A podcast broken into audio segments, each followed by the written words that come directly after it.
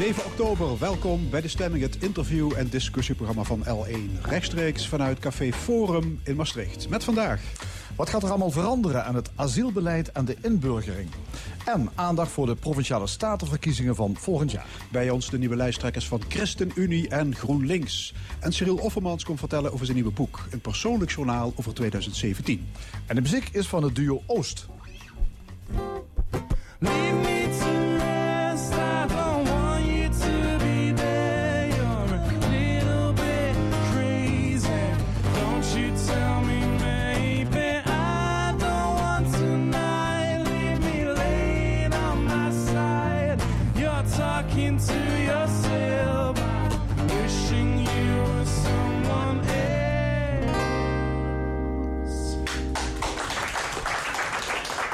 Het aantal mensen dat in ons land asiel aanvraagt loopt weer op. Het zijn vooral vluchtelingen uit Syrië, Iran en Turkije. Tegelijk wordt gewerkt aan vernieuwing van de asielprocedure en ook aan de inburgering wordt gesleuteld. We gaan erover praten met Luc Wienans. Hij is coördinator vluchtelingenopvang bij de zogenoemde Limburgse regietafel. En hij organiseert morgen een werkconferentie over integratie in Weert. Ook hier de Syrische statushouder Magran Oefan. Welkom allebei. Ehm, Luc Wienans, als ik u nou vraag om op een schaal van 1 op 10 aan te geven... hoe de integratie van vluchtelingen in Limburg verloopt... welk cijfer zou u geven? Nou, dan vind ik dat toch een eh 6,5. Ja, dat is dus een beetje magertjes. Wel, wel een voldoende, maar Ja. kan veel beter. Dus. Absoluut, ja, daar ben ik van overtuigd. Ja, want welke problemen hebben wij over ons heen gekregen... omdat we de integratie niet goed aanpakken? Nou, wij zijn, we hebben in ieder geval eh, geconcludeerd dat eh, enkele decennia geleden natuurlijk ook heel veel mensen Nederland binnenkwamen. En dat we dat op een andere manier deden als eh, nu het geval is. En ook als we nu wenselijk vinden. En daarvan hebben we eigenlijk gezegd van ja, het moet veel beter, het moet sneller. dat hele integratieproces. En je ziet dat wij Nederlanders, zal ik maar zeggen, hoge verwachtingen hebben van mensen die van buiten komen naar Nederland. Van ja, ze moeten wel integreren en het moet snel. En, maar dat wij vervolgens wel ook de faciliteiten moeten bieden aan die mensen om dat ook goed te kunnen doen. En je ziet nu dat in de keten van samenwerking, want als je als vluchteling komt, dan heb je met heel veel instanties te maken. Dat kan gaan om zorg, dat kan gaan om huisvesting, dat kan gaan om veiligheid, hè, contacten met de politie of justitie of wat dan ook. Dat kan gaan om eh, werk, hè, toeleiding naar een baan. Maar het kan ook gewoon puur deelname aan sport of aan cultuur zijn. Nou, het zijn allemaal thema's die belangrijk zijn voor een vluchteling. Als je echt wil integreren, moet dat op het hele front moet dat kloppen. Ja, en we hebben het nu over vluchtelingen, mensen die hier mogen blijven. Hè? Voor alle duidelijkheid, dit gaat niet, nu niet over de asielprocedure... maar de integratie van een vluchteling die een status krijgt. Ehm, u zegt het moet sneller. Ja. Ehm, en daarvoor heeft u een zogenaamd topteam integratie opgericht. Het klinkt Ja. als een soort E-team eh, die Ja. iets eh, gaat ondernemen hier. Ja, dat klopt. Nou, dat topteam is eigenlijk ook de gedachte om een team te formeren dat echt activistisch aan de slag gaat om eh, de integratie te versnellen. Dat betekent dat het niet een team is dat nota's gaat schrijven of eindeloos vergaderen, maar eigenlijk gewoon de koe bij de horens vatten als het gaat om huisvesting. Ah, in dat topteam zitten bijvoorbeeld twee directeuren van woningcorporaties uit Limburg. Nou, dat zijn mensen die in de branche echt positie hebben, die daar ook iets te vertellen hebben. Nou, en je ziet gewoon dat op sommige plekken zijn er heel veel noden als het gaat om huisvesting van vluchtelingen. Zeker als het gaat om grote gezinnen. Dat, dat lukt maar heel moeizaam. En daar moeten wij met z'n allen naar kijken. Want bedoel, het is niet dat die huizen er niet zijn. Maar het is de regelgeving die wij vaak als overheid zelf bedacht hebben. Die blokkeert dat dit soort processen soepel en makkelijk verlopen. Ja, terwijl er in de, het idee toch leeft dat een vluchteling juist voorrang krijgt. Dus dat hij eigenlijk heel makkelijk in een huis terechtkomt. Ja, dat, dat, daar hebben we inderdaad wel harde afspraken over gemaakt eh, vanuit het verleden, omdat het anders helemaal niet lukt. Hè? Want er zit natuurlijk eh, een grote druk op die woningmarkt. Je ziet steeds meer eenpersoonshuishoudens. Eh, voor starters eh, is men op zoek naar woningen. Maar als we dan niet afspreken van er is ook een bepaalde hoeveelheid woningen beschikbaar voor mensen eh, die als vluchteling dit land in zijn gekomen, een status hebben gekregen, dan blijven de AZC's hartstikke vol zitten. Ja, en maar- dat is niet de bedoeling van de integratie. Nee, maar ik hoor u zeggen, er is dus wel een aparte regeling voor vluchtelingen. Toch zegt u, er is ook een probleem nog steeds. Jazeker, we zien bijvoorbeeld hè, dat het huisvesten van grote gezinnen dat dat een, eh, echt een, heel moeilijk is. Hè. Eh, nou, dat betekent dat je daar oplossingen voor moet vinden. Nou, dat kan vanuit zo'n topteam echt aangejaagd worden om te zeggen we moeten de regels aanpassen die we als overheid zelf bedacht hebben. En want die woningen die zijn er fysiek wel degelijk in Limburg aanwezig. Eh, het probleem kan dus opgelost worden als daar maar de ministeries, de provincie en, eh, en de gemeentes ook en mee willen werken. Is het probleem dan dat, bij grote gezinnen... dat die woningen gewoon er niet zijn? Dit, dit type woningen niet voldoende verradigd zijn? Ja, dat is, dat is een van de eh, problemen. En als je dat dan over heel Nederland bekijkt... dan is dat probleem nog veel groter eh, in de Randstad. Hè, daar is eh, de woningbouw veelal gericht op één- en tweepersoonshuishoudens. Dus daar weet men al helemaal niet hoe men dat zou moeten doen. Dus vandaar ook dat je zou kunnen denken aan een uitwisseling... van nou ja, mensen, individuen die ook in de Randstad kunnen wonen... Nou, vanuit deze regio naar het noorden van het land en andersom. Ja. En dan zou, dat, ja, dan zou je eigenlijk, als je het gewoon heel pragmatisch aanpakt... heel versneld eh, het effect kunnen bereiken. Want het punt is, die mensen zitten wel elke dag nog in een AZC te wachten. En wij verwachten wel met z'n allen integratie. Dan moeten wij ook de, facilitaire, eh, de faciliteiten bieden om dat goed te kunnen doen. Ja, en die woningen zijn die er wel of moeten die eigenlijk gebouwd worden? Dit soort Nee, nee als, je door, als je door Limburg rijdt, dan zie je genoeg eh, woningen, ook particulier bezit, eh, die daarvoor geschikt te maken zijn. Nou, er is een mogelijkheid om dat met corporaties ook goed te, te organiseren, dat ze een onderdeel daarvan uitmaken, zonder dat het weer gaat om de aantallen, want daar zijn corporaties dan weer bevreesd over. Nou, kortom, het is oplosbaar. Ja. Magran Oefan, u woont in Limburg, maar u komt uit Damascus. Ja, klopt. Ja, hoe lang woont u al hier in eh, Limburg? De volgende maand ben ik eh, drie jaar hier eh, in Nederland. Drie jaar. Een Ja. vlucht gemaakt, echt vanuit Syrië naar Nederland. Ja, klopt. Dat was een moeilijke vlucht. Ja, het was echt zwaar. Ja. Kunt u zeggen, waarom bent u weggegaan in Damascus? Qua de oorlog, ik zoek voor een veilig land om eh, te gaan verhuizen wonen. Ja, en u bent eh, aangekomen in Brunsum. Ik begrijp, u bent daar ook getrouwd. En Lu- Luc eh, was zelfs de, noem je het, de ambtenaar van burgerlijke stand. Ja, ja, ja, ja met zijn vrouw Eva zijn getrouwd in, in Brunsum. eh, ja, en, en eh, ik heb daar een mooie rol mogen vervullen, ja. Ja. Ehm, u, u bent drie jaar in Nederland. Ehm, u heeft een verblijfsvergunning, mag voorlopig mag blijven. Wat is nou het moeilijkste om hier in Nederland te integreren? Waar, waar loopt u vooral tegenaan? Volgens mij niks eh, behalve de taal. Dat vind ik echt moeilijk. Eh, qua grammatica heb ik nog veel te veel fouten. Maar eh, dat wordt sneller met mij. Dus ik heb hier een kans om te werken. En dat, dat, daarom wordt het sneller. En ben ik echt dankbaar aan die, deze kans. Eh, ik heb gewerkt anderhalf jaar met Camille Ostwiegel. En dat is eh, een goede kans voor mij. Dat Hotelier, gaat- hè? Dat, eh, Ja. ja. Een man die een aantal restaurants, hotels heeft. En daar heeft u de taal, zegt u, met name dus geleerd. De taal en die, ja, qua integreren wordt het sneller. Ja, want ik met hoor... die collega's, met die, ja, ik, ik leerde sneller de taal en die integreren wordt ook sneller. Ja, wat ik hoor u zeggen, eigenlijk de taal is het vooral. eh, is, zal maar zeggen, de Nederlandse cultuur, onze directheid, ik, ik noem maar iets. Is, is dat niet iets wat eh, heel erg wennen is? Ik vind, eh, ik, vind geen probleem. Nee? U bent zelf ook direct. Eh, soms. Ja. Ja, maar de taal, eh, zegt u, dat is het allerbelangrijkste. Dus daar moet je vooral aan sleutelen bij vluchtelingen. Daar moet je aan werken. Ja, precies. De inburgering, ja, zo heet dat dan. Eh, mensen die de status hebben gekregen, eh, nou, die moeten aan de slag met die inburgering. Daar waren de regels voor bepaald in het verleden dat je daar drie jaar over mocht doen. Vervolgens zie je dat meer dan 50% van de situaties mislukt dat gewoon. En dat heeft allerlei oorzaken. Eh, er is gedacht aan vrije marktwerking, dat mensen die inburgering zelf zouden kunnen regelen. Daar geef je een budget voor en je stuurt mensen de markt op. En ja, dat werkt voor helemaal voor geen meter. Nee, er zijn allerlei bureautjes Ja. actief die taalkursussen aanbieden. Ik Ja. weet niet, eh, heeft u daar ook eh, aan zo'n zo'n cursus aan meegedaan? ja, ik heb eh, mijn cursus bij eh, Universiteit Maastricht gedaan. En daar heb ik hard gewerkt. Eh, ik heb eh, twee, cursus, eh, twee cursus gehad en was genoeg Ja. om te eh, slagen met mijn inburgering-examen. Oké, maar er zijn, begrijp ik, veel Ja. van die bedrijfjes die niet voldoen. Nee, nou, Maranofan is natuurlijk een fantastisch voorbeeld van hoe het wel kan. En daar zijn we ook hartstikke trots op met z'n allen.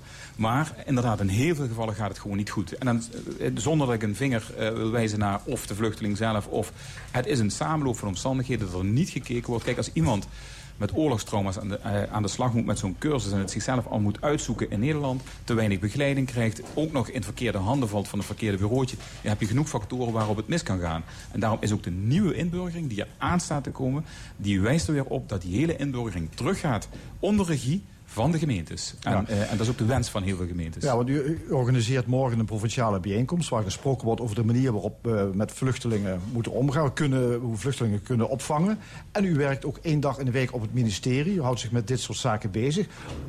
Ik hoor u zeggen, het moet weer terug naar de gemeente. De gemeente moet een belangrijke rol krijgen. de regie voeren, inderdaad. En eh, dat is heel erg belangrijk, omdat de gemeente veel meer dat overzicht ook heeft van wat er is er op, wat is de vraag op het gebied van zorg, op het gebied van veiligheid, op het gebied van huisvesting. Dat hangt wel allemaal met elkaar samen. En daar heeft een gemeente gewoon veel beter het overzicht in eh, dan, dan dat je het gewoon allemaal in stukjes hakt en tegen instanties daarmee aan de gang laat. Dan schiet het inderdaad niet op. Dus die inburgering is daarop gericht.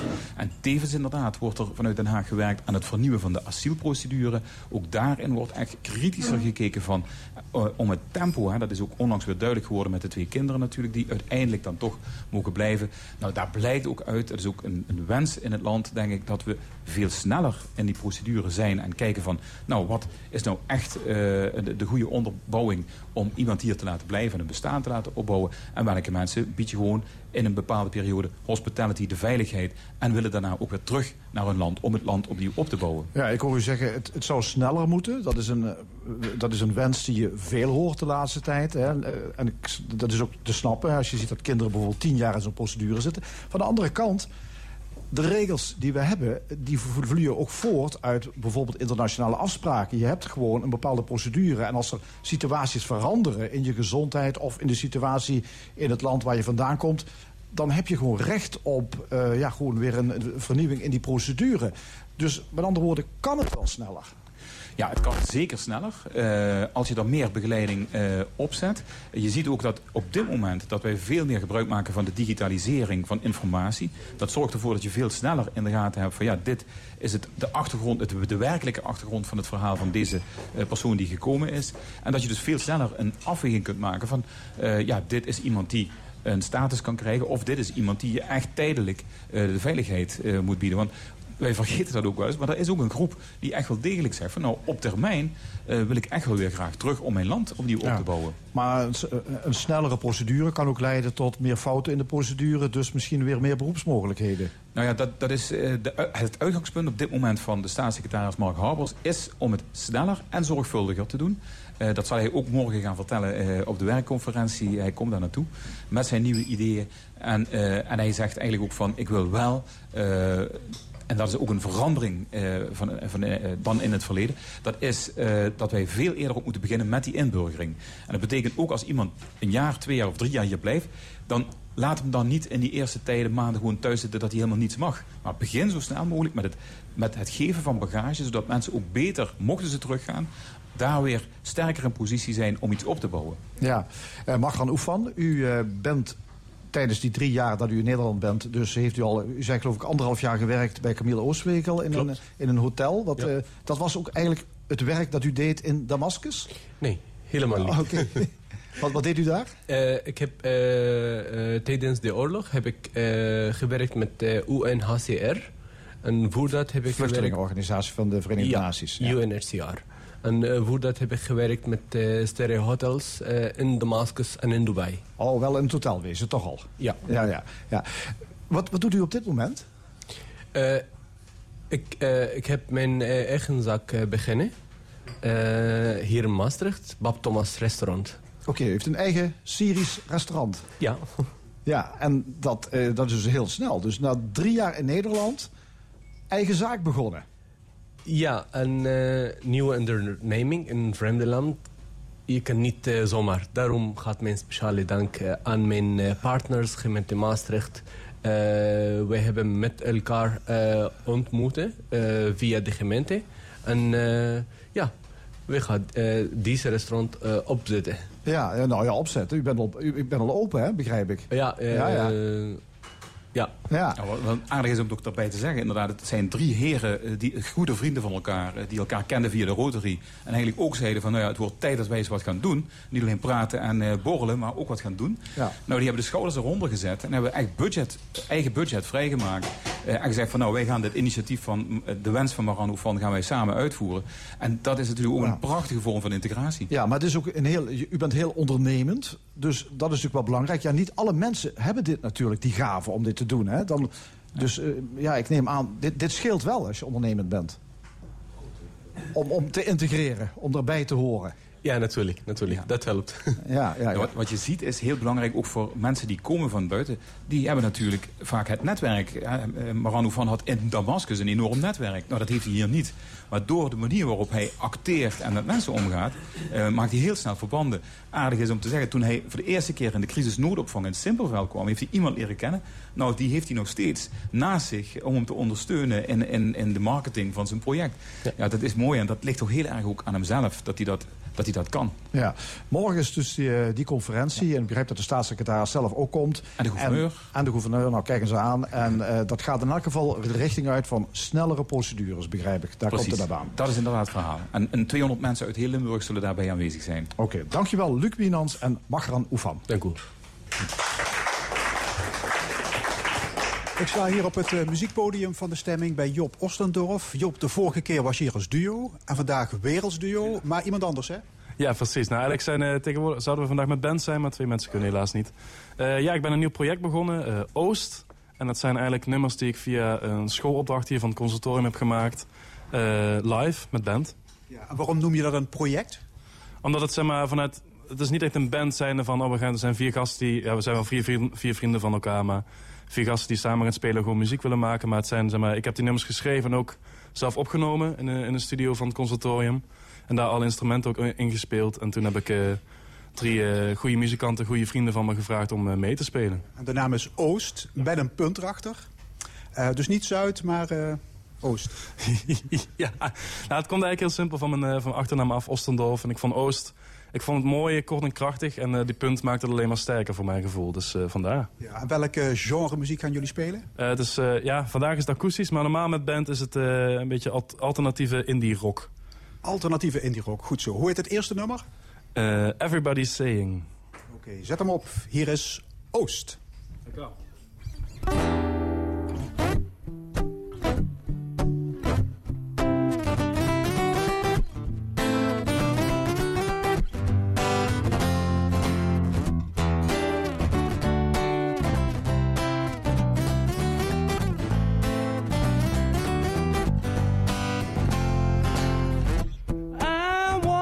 to complain, but everything you say makes me go away. It's getting kind of strange. I don't want this now. Waiting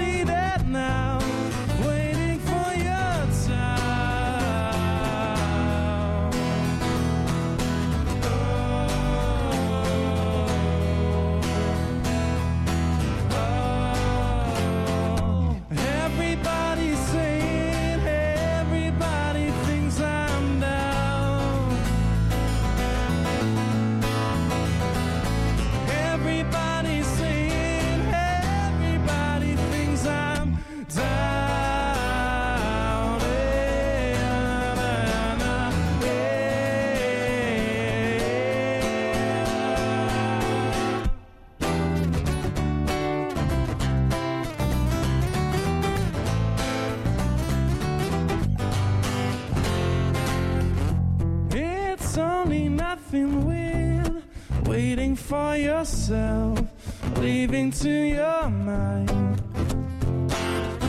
We're coming up in stairs. I don't see that now. Waiting anyhow. And I want to your face. It's a little stuff. Waiting for your. We're only passing by. I don't see that now. Waiting for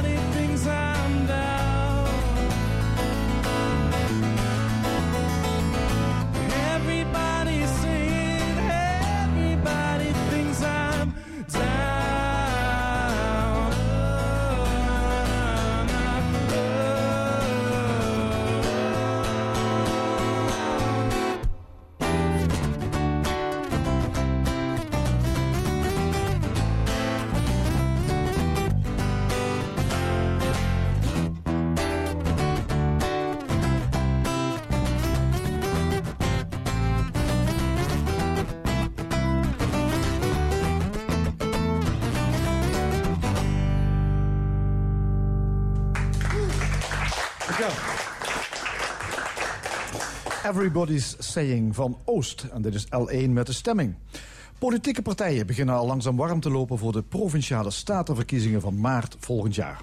Zometeen Francis van der Moren van de ChristenUnie... die na acht jaar weer een poging doet om een zetel te macht- bemachtigen. Maar eerst GroenLinks. Bij ons de kersverse lijsttrekker Pepijn Baneke. Meneer Baneke, u stond eh, op nummer 1 van de voordracht. En de Limburgse leden van GroenLinks hebben dat advies gisteren keurig opgevolgd. Hoe was de uitslag? De uitslag was eh, eigenlijk bijna unaniem. Er hebben een paar mensen zich onthouden van stemming. Maar voor de rest uh, vond me het een heel goed idee om mij op eh, plaats nummer 1 Ja, te noem eens zetten. wat cijfers. Eh, van de 70 stemmen waren er 65 op mij.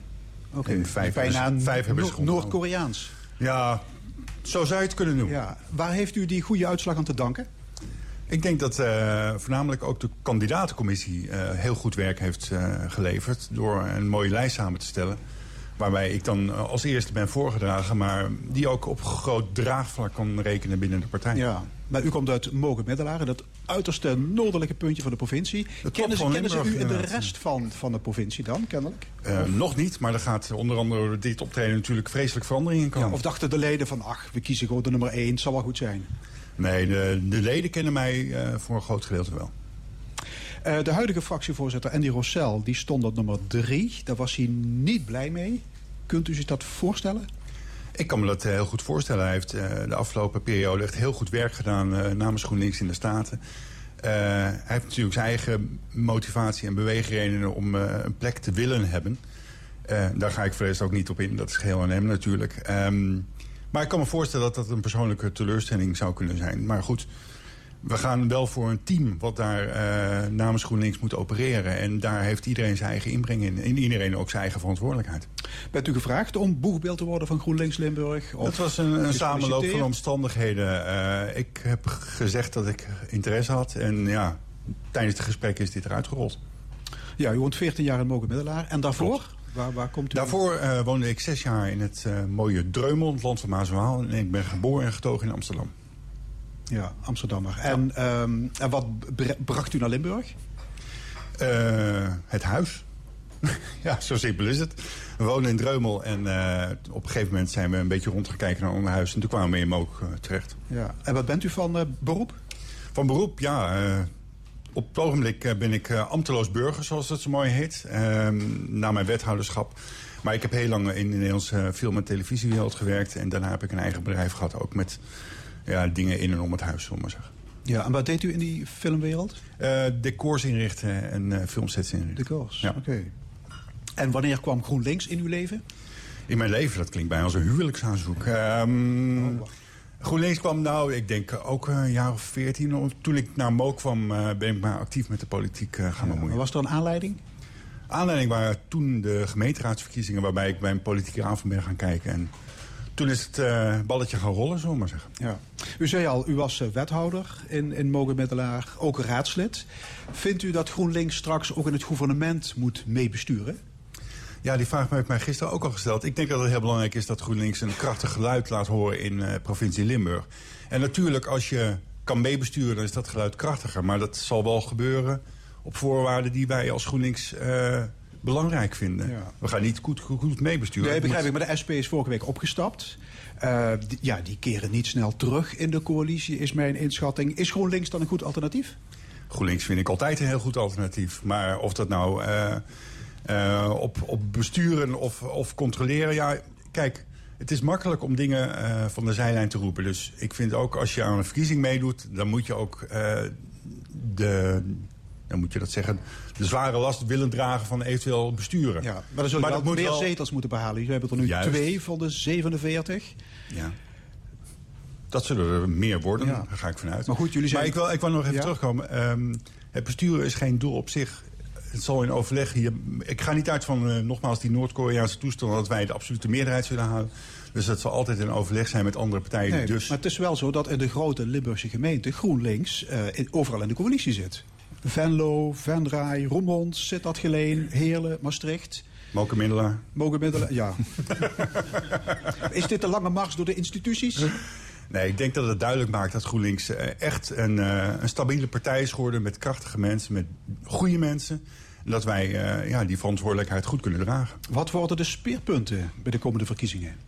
De Waar, gaan die- jullie op inzetten? Ik denk, eh, wij moeten het programma nu eh, als een razende roerland gaan samenstellen natuurlijk. Nadat eh, de personele invulling bekend is. Dan zullen de eerste mensen op de lijst ook zich mee bezig gaan houden. Maar ja, GroenLinks staat natuurlijk voor bepaalde waarden en uitgangspunten. En die zullen wat dat betreft niet echt veranderen. Noem eens een paar. Nou ja, het feit waar de SP op gevallen is... dat is natuurlijk voor GroenLinks echt een, een belangrijk punt. De windmolens, de hele energietransitie. de energietransitie. Maar wat ik persoonlijk ook heel belangrijk vind... eh, dat is bijvoorbeeld hoe gaan we hier in Limburg om met de economische situatie. Op het ogenblik wordt er door de provincie heel erg ingezet op grote economische projecten. Misschien moet je ook eens gaan nadenken of je om de bevolkingskrimp bijvoorbeeld eh, eh, wat tegen te gaan... wat meer focust op kleinere economische projecten her en der in de provincie. Zodat je de Om het, ook- MKB wat meer te, te steunen. ja, zodat je de leefbaarheid ook bewaart. Ja. Maar dit zijn ge- gedachtenspinsels en daar gaan we verder mee aan de slag. Ja, maar windmolens, daarvan zegt u dat, dat is voor ons belangrijk. Eh, die, die, die, moeten er komen. Ja, maar ook, ook zonder draagvlak van de lokale bevolking? Nou ja, U weet ik waar denk, ik op doel? eh, ja, ik denk dat daar eh, nog een wereld te winnen is. Maar je moet uitgaan van een, hoe gaan we om met onze energievoorziening in de toekomst. En windmolens is daar maar een onderdeel van. Klaver die wil eh, GroenLinks ombouwen tot een brede volksbeweging. Hè? Niet alleen eh moet de hoger opgeleide worden bereikt, maar ook de gewone man. Bent u het daarmee eens? Ik vind dat eh, GroenLinks een breed draagvlak verdient. Dus wat dat betreft ben ik het er helemaal mee eens. Ja. En hoe moet dat worden bereikt, denkt u? Nou, ik denk dat hij... van die kantinebijeenkomsten Ja, het, georganiseerd. het, het gaat erom... Kijk, GroenLinks heeft altijd een beetje het eh, ja, imago gehad van een grachtengordelpartij. En nou, dat is in mijn optiek echt niet eh, de juiste, het juiste imago. Dus ik denk dat het heel goed is dat daar gesleuteld wordt... door te laten zien waar je voor staat en wat je kan bereiken. Ja, het is nog allemaal ver weg, die verkiezingen. eh, maar bent u beschikbaar als gedeputeerde? Dat vind ik weer zo'n vraag. We hebben gisteren ook gevraagd. Mocht GroenLinks ooit in Ja, maar de positie komen... dat weten Ja, die op u kiezen. Van wat is die Baneken nou van plan? Dat, ja, dat wil nou, niet, wat ik zijn zijn ambities? het, het eh, primaire doel is dat wij een sterke fractie in de Staten komen. En daar, daar ligt de focus op. Mocht er een gedeputeerde geleverd kunnen worden... dan zullen wij aan de hand van het onderwerp waarop die gedeputeerde zich gedeputeerde mag eh, tonen... een persoon erbij voegen. Ja, en dan moet u iedere dag 260 kilometer op en neer. Mook. Met de trein. Met, het... Met een Baneke, dank u wel. Graag gedaan. Francis van der Moren van de ChristenUnie. Ehm, ja, we hoorden zojuist dat Pepijn Baneke die heeft de langst mogelijke reis in Limburg gemaakt om hier te komen. 130 kilometer. Ik geloof dat u ongeveer 10 meter gelopen heeft, zojuist. Ik heb vanochtend net 10 meter gelopen. Ja. Ik kom Ja. bij de buren vandaan. Ja, de buren, even uitleggen, dat is eh, de kerk hiernaast. De Waalse kerk, ja, dat ja, klopt. U bent eh, meteen na de dienst eh, hier naar de kroeg gekomen, van de kerk naar de kroeg. Ik, ik ben heel letterlijk van de kerk naar de kroeg Ja. gekomen. En dat is, eh, het is even een schakeling. En ehm, het is wel... eh, wij hebben nu ook ehm, de mengeling van de katholieken en protestanten bij ons in de, in, de, in, de, in, de, vre- in, de, in de partij. En die zeiden al, we zijn gewend om een goed gesprek na de mis te hebben. Dus dat hebben we nu. Ja, eh. want het is voor protestanten geloof ik niet zo, gewend, niet, niet zo gewoon om naar de kerk, naar de kroeg te gaan als bij katholieken. Dat is iets minder gebruikelijk, Ja, dat klopt. nou ja. En, en, en zo op de morgen zal wellicht ook meer uitzondering blijven dan, eh, dan gewoonte. Ja, dat Ja. voor ons toch vaste prikken vroeger. Voor ons, voor ons wel, ja, altijd. Ja. Op een gegeven moment werd de kerk ook overgeslagen, was het meteen de kroeg. Ja. Maar goed, dat, Dat is een heel ander, een heel ander verhaal. gewoonte. Heel ander verhaal ja. We- De ChristenUnie gaat meedoen aan de Statenverkiezingen. Dus nu, eh, jullie hebben nu geen zetel. Trouwens, de ChristenUnie heeft nog nooit in, het, in de Staten gezeten. Welk nieuw geluid zou er komen als de ChristenUnie één of meerdere zetels krijgt? We hebben, eh, kort terugkomend, we hebben ook ehm, geen enkele zetel in welke gemeente dan ook. Wij zijn In nergens, Limburg, hè? eh, in Ja. Limburg, eh, ja, in Limburg vertegenwoordigd. eh.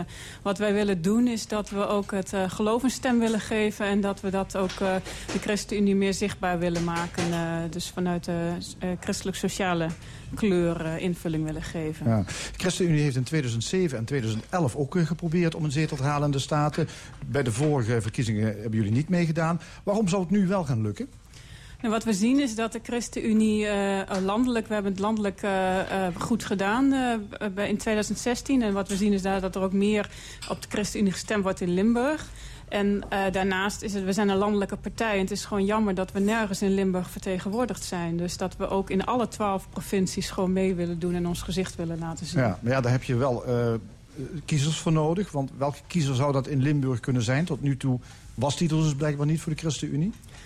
Wij zijn, wat de naam al zegt, een unie van christenen. En wij willen er zijn voor welke christelijke stemmer dan ook. Dus breed. Ja. Maar ook voor iedereen die zich... ehm, nou ja, die, zich, die wat ziet in onze, in onze normen en Ja. waarden. Onze. Ja, dat begrijp ik. Maar waar zou die vandaan moeten komen? Want traditioneel stemt die, ja, die katholieke Limburger... die dan zijn geloof laat meespelen... wellicht een rol op het CDA. Vist u in die vijver? Ik weet niet of het in die vijvervis is, maar het is wel zo dat de ChristenUnie ook een meer een partij wordt voor de katholieken. Ook dat we ons daar meer verbonden mee voelen. Ja, waarom? Waarom zou de ChristenUnie meer een partij voor katholieken worden? Omdat ik denk dat we, eh, als we een geloof een stem geven... dat het niet uitmaakt welke christelijke kleur daarachter zit... maar dat het voor iedereen aansprekelijk moet zijn. Dus we hebben een goed christelijk verhaal, ook voor Limburg. En daarmee hopen we ook gewoon de, katholieken... maar ook de, wie dan ook maar aan ons te binden. Ja, maar de ChristenUnie probeert het al een jaar of tien... Hè, om, om ook katholieken binnen te halen. En dat is Nou ja, in Limburg nog niet gelukt. Nee, in Limburg, eh, maar dat hebben we, de, hebben we de afgelopen tijd dus ook niet meegedaan. Eh, maar je ziet het wel, dus ook dat juist met die landelijke verkiezingen... wat er landelijk ingezet wordt, dat je met die landelijke verkiezingen... zie je dus wel een toename van het aantal stemmen. Maar het is, het is heel weinig, hè? Het is wel iets, maar het zet nog niet echt zo aan de dijk hier in Limburg. Het zet niet echt zo de, aan de dijk, maar eh, we hebben ook niet echt... de, bij de landelijke verkiezingen echt een grote campagne in Limburg gehad. En daar gaan we natuurlijk nu wel specifiek op inzetten. Ja, tot eh, 2015 be- be- beriep de ChristenUnie zich op een aantal geschriften... die soms al anti- anti-katholiek waren. Dat is in 2015 eigenlijk voor een groot deel terzijde gelegd. Is dat iets wat u gaat, mm, ja, wat gaat meespelen? Waarmee u misschien mensen mee kunnen binnenhalen? Minder anti-katholieke karakter? Ik weet niet, de, de schriften zijn toen inderdaad aangepast. Dus de, de grondslag is toen aangepast. Ehm, ik, ik ben zelf, maar dat is even persoonlijk... ik ben zelf meer van het goede gesprek en, en het verhaal... dan dat we heel nadrukkelijk ook het hebben over die geschriften... en over waar we naartoe willen. Dus het gaat mij meer om de persoonlijke kant. Ja. eh. Heeft u zelf politieke ervaring? tot eh, december 2017 niet. En Dus- wat is daarna gebeurd? Nou, vanaf december 2017 ben ik dus gevraagd om eh, deel te nemen aan de ChristenUnie en me ook hierin te verzetten. En eh, vanaf maart ook eh, verkozen als lijsttrekker. En dus Ja. Ja, jullie, jullie verkiezingsprogramma voor de Staten staat nog niet op de, op de website. Zijn nu ook jullie nog aan het schrijven? Waardevol. Dat moet wel het thema worden. Wat, waar gaat dat over?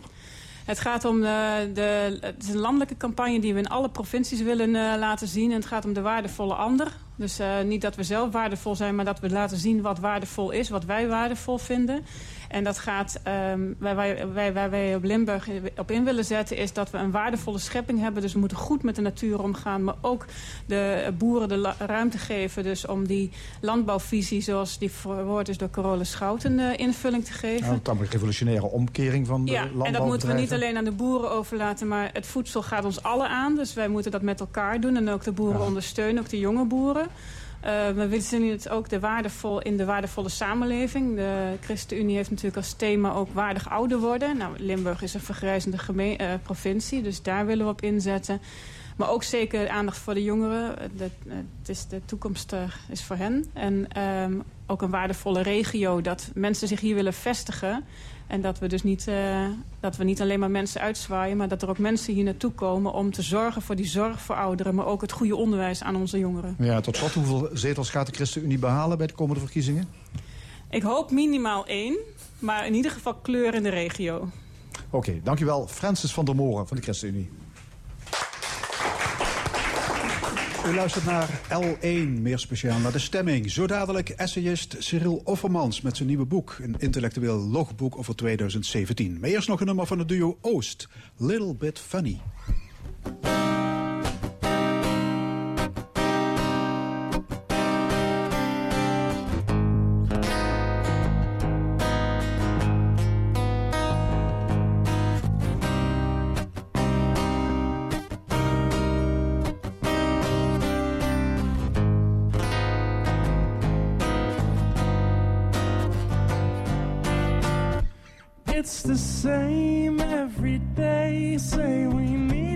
Talk, babe.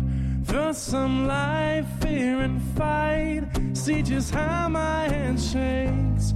It's a little bit funny, I guess, tonight.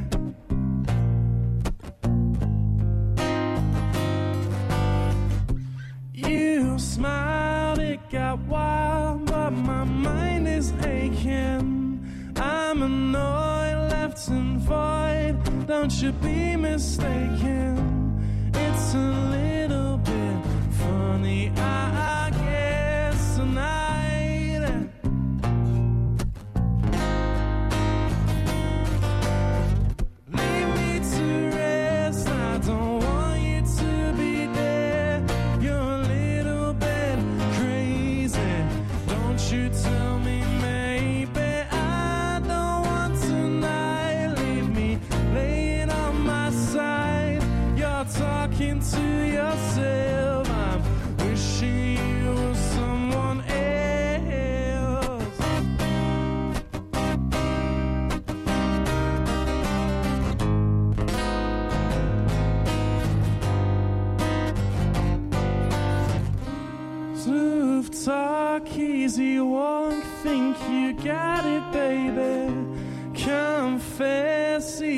This time there's no maybe.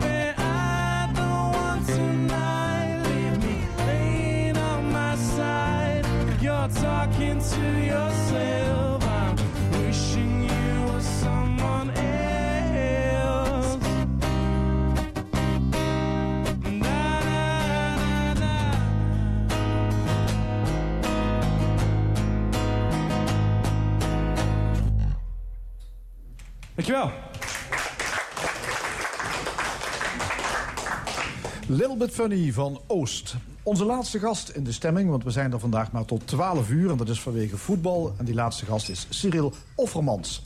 Van hem verscheen een boek in de befaamde serie Privé-domein van de Arbeiderspers. En dat is een reeks autobiografieën en ego-documenten. Eerder dit jaar nam ook A.H.J. Doutsenberg een titel voor zijn rekening. En dat betekent dat er dus twee Limburgs bij de laatste vier zijn. Essayist Offermans maakte onder de titel Een iets beschuttere plek misschien... een journaal van 2017. Cyril, welkom. Hallo. Eh, je boek eh, begint met eh, Syrië en eindigt ook met Syrië. Waarom? Het kon door een hogere macht bedisseld zijn, dacht ik. Toen ik vanochtend het gesprek van Luc Wienans en Magran beluisterde. Omdat in deze uitzending een Syrische vluchteling aanwezig ja, was. Precies, ja, ja, ja. Um, maar is er een oorlog die jou, die jou heeft gepakt? Die- ja, natuurlijk, allicht. Wie niet? Ehm, wie een beetje het dagelijkse nieuws volgt... die kan niet anders dan onder de indruk zijn... van wat er allemaal gebeurd is en nog steeds gebeurt. Het eh, overschaduwt heel veel kleinere en ook grotere dingen... hier in onze rijke westerse wereld. Dus wie daar geen oog voor heeft, is ziende blind... En ehm, ja, ik vond het dus wel heel erg nodig om in een journaal als dit... ook veel aandacht aan de problematiek van de vluchtelingen in het algemeen... oorlogen elders in de wereld te besteden. De Ja, tegenstelling met het Westen natuurlijk ook. Ja, precies. Want in dit deel van de wereld is geen oorlog. Je schrijft ergens dat toekomstige historici deze tijd als een uitzonderlijke periode in de historie van de mensheid zullen betitelen. We zijn bevoorrecht omdat we iedere dag aan het werk gaan. Onder meer, ja, zeker. En omdat we al eh 70 jaar zonder oorlog leven. Dat is ook in onze westerse geschiedenis vrij uniek. Ehm, misschien wel helemaal uniek. Ehm, alleen, we moeten vrezen dat gezien alles wat er gebeurt... ehm, die periode wel eens eindig zou kunnen zijn. En dat ook wij, onze kinderen, kleinkinderen... weer opnieuw met oorlogsgeweld te maken zullen Ja. krijgen. En, en toch zeg je in het boek, de rust van het saaie bestaan... dat is het hoogst haalbare. Dat is de grondslag van iedere beschaving. Ja, inderdaad. Zonder rust kun je van zijn leven niet aan, hoog, je aan hogere cultuur wijden. Maar eens iets, een boek lezen kun je niet als er tegelijkertijd allerlei zware schut op je oren wordt afgevuurd. Ehm, dus alles wat eh, inspanning vergt, ehm, heeft een aantal voorwaarden in de directe omgeving die te maken hebben met rust, ruimte. Niet door dagelijkse zorgen uit je humeur en uit je concentratie gehaald worden. Ehm, dus ja, eh, op het moment dat je honger hebt om één ding te noemen... dan kun je onmogelijk ook aan andere belangrijke dingen in het leven denken. Cultuur is altijd gebaseerd op het feit dat er voldaan moet zijn aan een aantal basisvoorwaarden. Ik heb bijvoorbeeld ook in het boek staan een stuk over honger, heb je misschien gezien. Ehm, mensen die echt honger hebben, en dan kom ik ook meteen terug op de vluchtelingenkwestie. Mensen die echt honger hebben, vluchten niet. Stomweg omdat die maar aan één ding kunnen denken, namelijk aan iets te eten krijgen. En niet eens aan een bepaald soort eten, want dat onderscheidingsvermogen speelt pas een rol op het moment dat, je aan, dat er aan die primaire honger voldaan is, dat die bevredigd is. Pas dan kun je gaan kiezen en kun je het gevoel krijgen van nou, ik heb eigenlijk liever dit dan dat. Zolang als je honger hebt, interesseert het je geen bal wat je te eten krijgt als je maag maar gevuld wordt. En pas als daaraan voldaan is, als, je aan een, aan een zekere, als, als er aan een, zekere basis, aan een aantal basisvoorwaarden voor het leven voldaan is, pas dan kun je ook op het idee komen dat er misschien elders in de wereld betere plekken zijn waar je terecht kunt. Vluchtelingen zijn nooit de mensen die de echte honger hebben. Het zijn altijd al de mensen die een zeker, eh, ook qua opleiding, hè, meestal een zeker niveau bereikt hebben.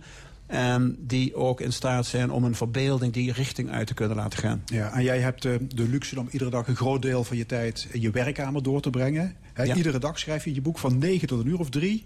Je noemt jezelf ook een man van gewoonten. Ja. Mijn werkdag verloopt met Kantiaanse voorspelbaarheid. ja, kijk, ehm, dat geldt toch voor bijna iedere Nederlander. Iedereen moet om negen uur of om half negen, het hangt er een beetje vanaf wat voor soort werk hij doet, aan het werk. Dat heb ik eh, op slotverrekening in het onderwijs, toen ik daar nog werkte, ook eh, moeten doen. Ja, ja, je was Ja. jarenlang leraar in de middelbare school in Eindhoven. Ja, precies. En ehm, dan ben je ook ongeveer tot, eh, nou ja, tot het middaguur of ergens in de middag. Dan, dan word je pas een vrij mens, zou je kunnen zeggen. Ehm, dus waarom zou ik, nadat ik het geluk had met vervroegd pensioen te kunnen... en de schooldeur achter mij te sluiten... waarom zou ik daar eh, plotseling anders over zijn gaan denken? Terwijl ik juist verschrikkelijk ehm, blij was met de vrije tijd die ik destijds had...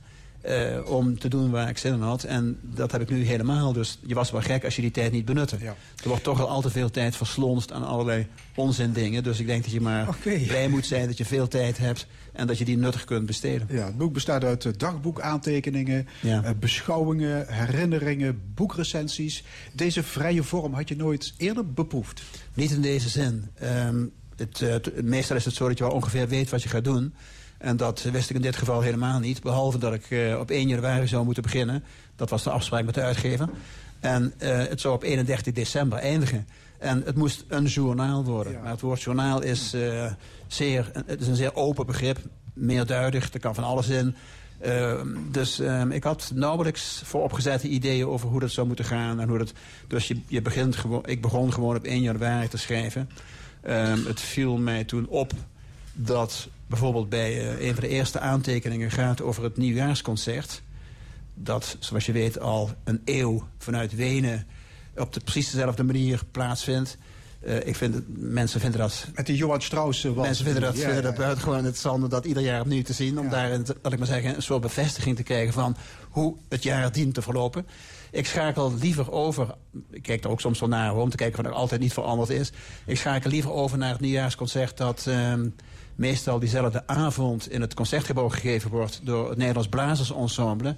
Dat ik van, van, dat ik van harte kan aanbevelen voor iedereen die op 1 januari niet goed weet wat hij moet gaan doen.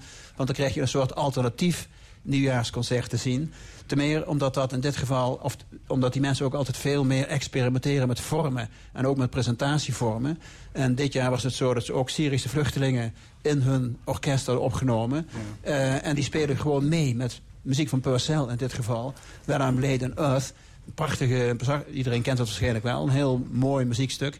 Waarin een aantal Syriërs op traditionele instrumenten gewoon meespelen. Oké, dus En dat 1 is- januari, iedereen kijken naar... Maar Cyril, als ik jouw boek in een paar steekwoorden moet, moet samenvatten... Kan niet dan noem een ik, steekwoorden. Nou, beschaving, bildung, waar je het net ook over hebt. Ja. eh, concentratie, Ja, kennis, engagement. engagement zeker, ja. Ja. Nou ja, Want, je- want je ken- zegt dat de globaliseren, globaliserende wereld kraakt in al zijn voegen. En dat intellectuelen, schrijvers, kunstenaars zich moeten richten op het voorkomen van erger. Ja. Ben jij pessimistisch over de Wie niet? wereld? Ja, daar is alle reden toe, zou ik denken. Ja. heen Maar je bent 73, heb je het ooit eerder zo bar meegemaakt? Ehm, nee, nou ja, weet ik eigenlijk niet. Het is al mijn hele leven heel erg bar. Maar er zijn natuurlijk ook altijd tegenkrachten en, en mogelijkheden om eraan te ontsnappen en om alternatieven te ontwikkelen. maar ik vermoed inderdaad dat, laat ik maar zeggen, als, je, als ik naar mijn eigen leven kijk, jaren 50, vond ik een, eh, mijn kindertijd, vond ik een buitengewoon gelukkige tijd. Jaren 50 hebben een totaal verkeerd imago, alsof het allemaal saai en duf was. Wat het helemaal niet was in mijn geval. Jaren 60 waren natuurlijk een en al opwinding, een en al luiken open op de wereld. Nieuwe ideeën, nieuwe inzichten. Het moest allemaal anders. Vind ik nog steeds dat het allemaal anders moet. Alleen de manier waarop en vooral ook de eh, mogelijkheden die, eh, die we misschien 30, 40 jaar geleden eh, voor ogen hadden. Daar zijn we inmiddels wat realistischer over gaan denken. We zijn al blij als we een iets beschuttere plek misschien voor onszelf, voor het intellect eh, kunnen creëren. Daar is mijn boek ook een poging toe. Om, laat ik maar zeggen, iedereen die suf ge, murf gebeukt wordt...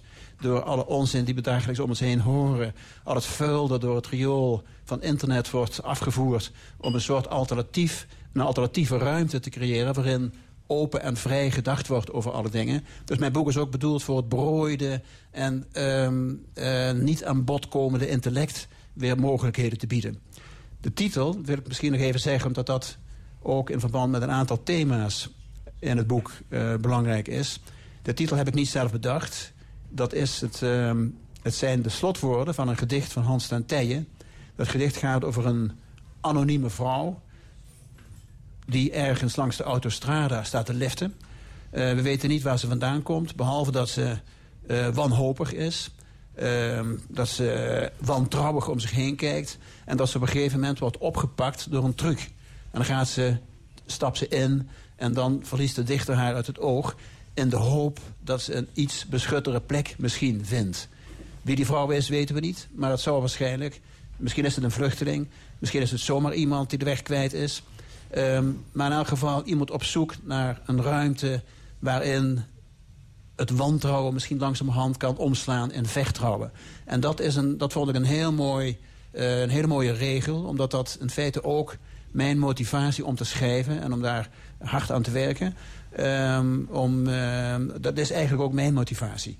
Dus ik, ik zou willen dat de lezer van mijn boek af en toe denkt... er zitten toch wel degelijk eh, plooien, barsten, breuken... In, dat gesloten, in die gesloten wereld van ons waardoor we zicht krijgen op iets anders... en waardoor we toch weer de moed en de motivatie krijgen... om aan die algemene depressieve stemming...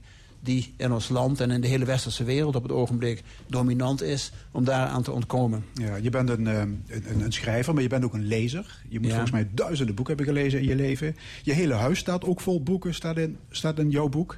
Ja. Je schrijft ergens, een huis zonder boeken is een onleefbaar huis. Ja, denk ik zeker, ja. Maar ik hoor steeds vaker dat mensen hun boeken bezitten de deur Ja, dat is het dom en slecht. Dat moeten ze niet doen. Eh, Nee, want eh, ja, god, moet je luisteren. Ehm, waar kun je beter op andere ideeën komen? Waar kun je beter je eigen hersens en je eigen verbeeldingskracht trainen dan in boeken. Muziek, beeldende kunst, alle mogelijke andere kunstvormen natuurlijk even goed. Maar als het op bedenken aankomt, denk ik toch dat je het zonder boeken moeilijk kunt stellen. Dus mensen die een boeken de deur uit doen, die doen aan intellectuele zelfvernietiging. Dat zou ik buitengewoon dom vinden. Als je, zeker op je oude dag, nog een keer eh, met enige ja, niet al te ontevreden wil terugkijken op je leven...